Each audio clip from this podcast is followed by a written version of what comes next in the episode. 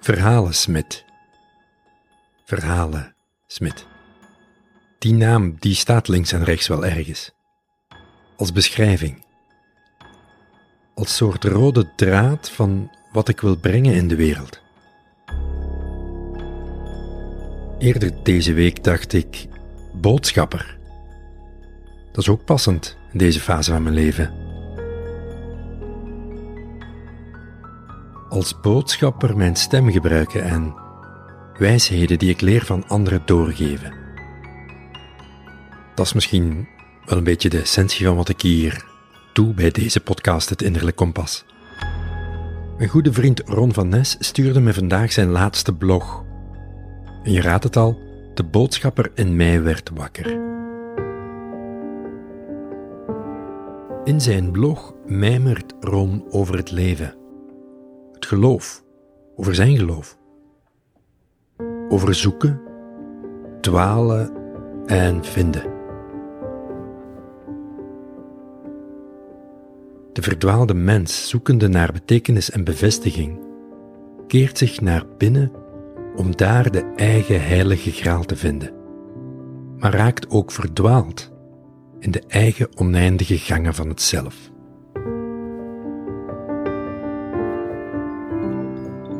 En Ron vertelt over dat oude verhaal van de ridder Parsifal. Ken je dat? Deze ridder had de opdracht de heilige graal te vinden. Op een dag stuitte hij op een optocht waarin die graal werd meegedragen. En vooraan in die optocht een droeve koning. De koning droef, zwaar van het leven, moe in de benen, grijs van haar. Parsifal zag de graal, maar hij koos ervoor niks te vragen, niks te zeggen. Zo gaat de optocht voorbij. Parsifal blijft met lege handen achter.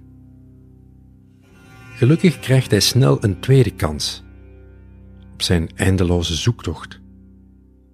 En opnieuw stuit hij dan op deze vreemde optocht met de droeve koning. Nu, en alleen nu, weet hij wat hij te doen staat, wat hij moet doen om de heilige graal te bemachtigen.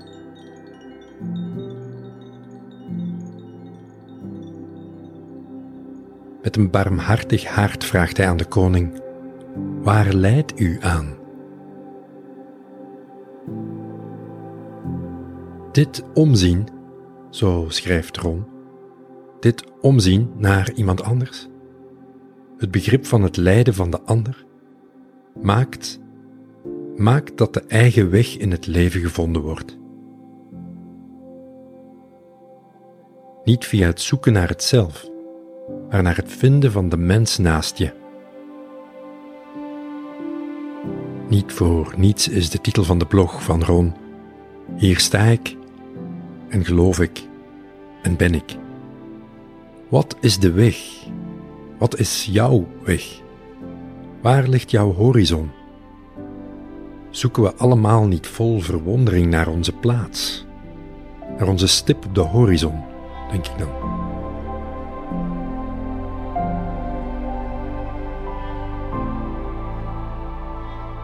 Verder in het stuk van Ron deelt hij een verhaal van de muzikant Nick Cave waar ik grote van ben. Ken je Nick Cave zijn persoonlijke blog, The Red Hand Files? Daar antwoordt hij regelmatig op heel persoonlijke vragen en Ron pikte er zo'n vraag uit. Dear Mr. Cave, do you ever suffer from self-doubt? Leid je ook aan twijfel? Het is een vraag van een Australische vader met twee jonge kinderen. Ik heb nu twee jonge zoons, Max en Joey. Ze luisteren graag naar je muziek.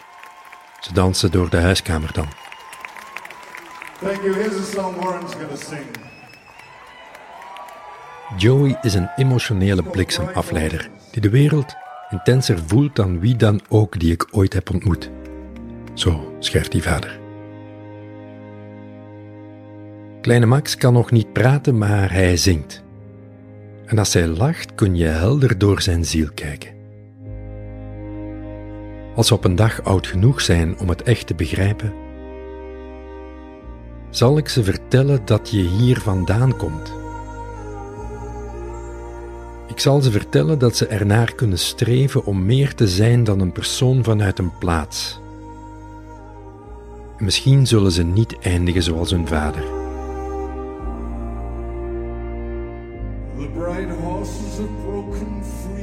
Nick Cave geeft antwoord op de vraag van de vader met de volgende woorden. Voel ik ooit twijfel aan mezelf? Ja, heel veel. Mijn twijfel aan mezelf manifesteert zich meestal in plotselinge, hete vlagen van verlegenheid. En valt meestal samen met een verlies van speelsheid of humor. Of beter gezegd, het komt wanneer ik mezelf en zelfs het leven te serieus begin te nemen.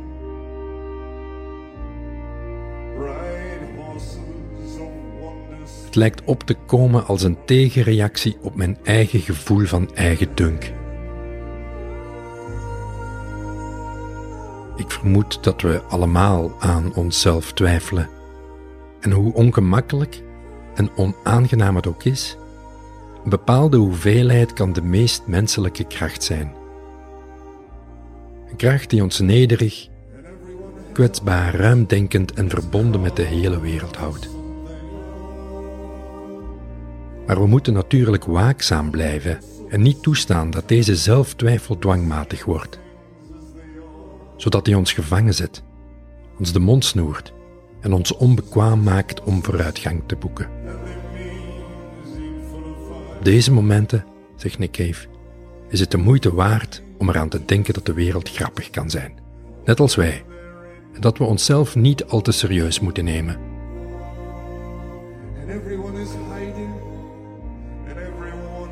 Nick Cave eindigt met de woorden: Liefs, Nick. Liefs, Raf.